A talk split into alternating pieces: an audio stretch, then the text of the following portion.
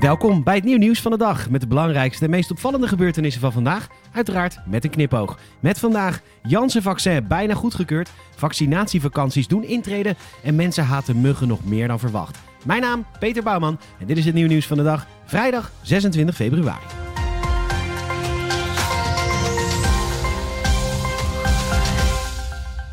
Volgens bronnen binnen het agentschap zal de EMA op 11 maart het coronavaccin van Janssen goedkeuren. De verwachting van de Europese Commissie is dat er vanaf april geleverd zal worden. Het Leidse vaccin wordt naar verwachting vandaag al goedgekeurd door de Amerikanen en is volgens hen na één dosis al voor 64% effectief, ook tegen de Zuid-Afrikaanse mutatie. In totaal heeft Nederland 11,3 miljoen doses van het vaccin besteld, waarvan de eerste drie in het tweede kwartaal verwacht worden. Dat zou betekenen dat er voor de zomer 3 miljoen Nederlanders het vaccin kunnen krijgen. In diezelfde periode verwacht het ministerie van VWS nog zo'n 14 miljoen doses van andere vaccins te ontvangen. Het grootste deel komt van Pfizer, zeker nu AstraZeneca de verwachting opnieuw naar beneden heeft bijgesteld. Dus 14 miljoen spuitjes waar je twee van nodig hebt, dat is dus 7 miljoen.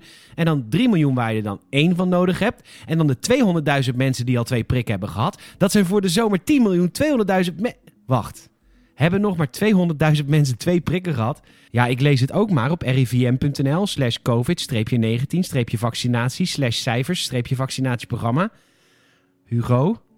Maar goed, dan hebben we straks wel voor 10 miljoen mensen aan vaccins in opslag liggen. Het is tijd voor het nieuw nieuwsgetal van de dag. Je krijgt nu een getal en aan het einde van de podcast de context. Het nieuw nieuwsgetal van de dag is 12.400.000.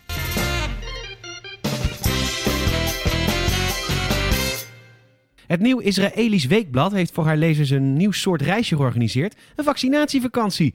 Voor een paar duizend euro kunnen mensen zich aanmelden voor een twaalfdaagse rondreis, inclusief de kans op een Pfizer-prikje. Bij aankomst in het hotel kunnen reizigers meteen op zoek naar een priklocatie in Tel Aviv, schrijft het blad op hun website. Als ze een bar met Pfizer op een menukaart hebben gevonden en 100 euro neertellen, worden ze ingeënt. En ze krijgen ook meteen een vaccinatiebewijs om ooit een keer in Nederland een tweede dosis te krijgen. Daarna start de rondreis naar de wijngaard op de Karmel, luxe hotels op de route, de oudste kibbutz van het land en met een uitgebreid bezoek aan Jeruzalem. In Israël klotsen de vaccins tegen de plinten en is men inmiddels zelfs begonnen aan het vaccineren van de jeugd. God. Ruim de helft van de inwoners heeft al een prikje gehad en deze week zijn ze begonnen aan de eerste versoepelingen. Het OM is een strafrechtelijk onderzoek gestart naar de campagnebijeenkomst van Thierry Baudet van Forum voor Democratie in Urk. Dat meldt de Stentor. De politie gaat kijken of Baudet de coronaregels heeft overtreden bij zijn bezoek.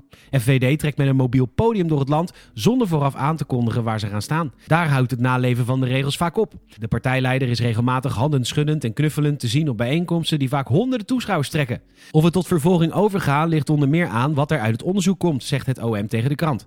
De vraag is of Baudet besprongen is door anderen of dat hij bewust de regels heeft overtreden. Urk staat niet bekend als een plek waar mensen de pandemie erg serieus nemen. Er werd eerder een teststraat van de GGD in de fik gezet. Forum heeft laten weten de uitkomst van het onderzoek met vertrouwen af te wachten. Dat muggen behoren tot de absolute wereldtop als het gaat om de minst sympathieke dieren is algemeen bekend. Toch worden de zoemende parasitaire nachtrustverstoorders ook gebruikt voor wetenschappelijk onderzoek. Universiteit Wageningen trapte deze week een actie af waarin de Nederlanders werd opgeroepen om doodgemapte slaapkamerterroristen per brief naar ze op te sturen. En dat hebben ze geweten ook, want muggenmoorden, dat doen we natuurlijk het liefst. En binnen een paar dagen tijd ontving de universiteit 6000 muggenlijkjes in enveloppen. Vrijdag maakte de universiteit bekend dat ze nu meer dan genoeg materiaal voor hun insectenautopsies binnen hebben. De actie is dan ook per direct stilgezet. Het is heel bijzonder om zoveel respons te ontvangen, zegt muggenexpert Sander Koenraad in een reactie aan Omroep Gelderland. Aanvankelijk zou de Stuur je mug naar Wageningen actie lopen tot 16 maart. Maar omdat ze een paar dagen geleden al hele postzakken vol fanmail binnen hadden, is de actie nu voortijdig afgeblazen. Sommige muggenhaters hadden zelfs een speciaal briefje erbij gedaan met de tekst als: Veel succes ermee, ik hoef hem niet meer terug. Mr. Potato Head verliest zijn genderspecifieke aanhef Mr. Dit maakt de speelgoedmerk Hasbro vandaag bekend in een persbericht. Het bedrijf produceert dit poppetje dat zijn, haar, die, zij, hun, hen, gully, roem vooral te danken heeft aan de Pixar-film Toy Story al sinds 1952. Op de verpakking staat voortaan alleen nog maar Potato Head afgedrukt. Niet alleen de pronoun gaat veranderen, ook de productie van de pieperpop wordt verduurzaamd. De toekomstige potato heads bestaan uitsluitend uit plastic op plantaardige basis. Hasbro wil hiermee een groener tijdperk tegemoet treden. Of het personage uit de Toy Story-reeks het voorbeeld van zijn speelgoed-equivalent volgt is niet bekend. Hij was in de laatste film nog altijd gelukkig getrouwd met zijn grote geliefde Mrs. Potato Head. Genderneutrale piepers zijn binnen de agrarische sector al langer de norm.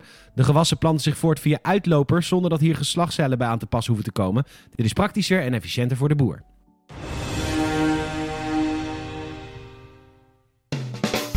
Het nieuw nieuwsgetal van de dag is 12.400.000. Een gooi doen naar het presidentschap in een land met ruim 257 miljoen stemgerechtigden. En dan maar 68.000 stemmen krijgen, dat is pijnlijk. Maar ook nog eens 12,4 miljoen dollar aan uitgeven. Misschien wel pijnlijker dan je been breken. En het gebeurde Kanye West, die het opnam tegen Donald Trump en Joe Biden. En dat is dus niet gelukt.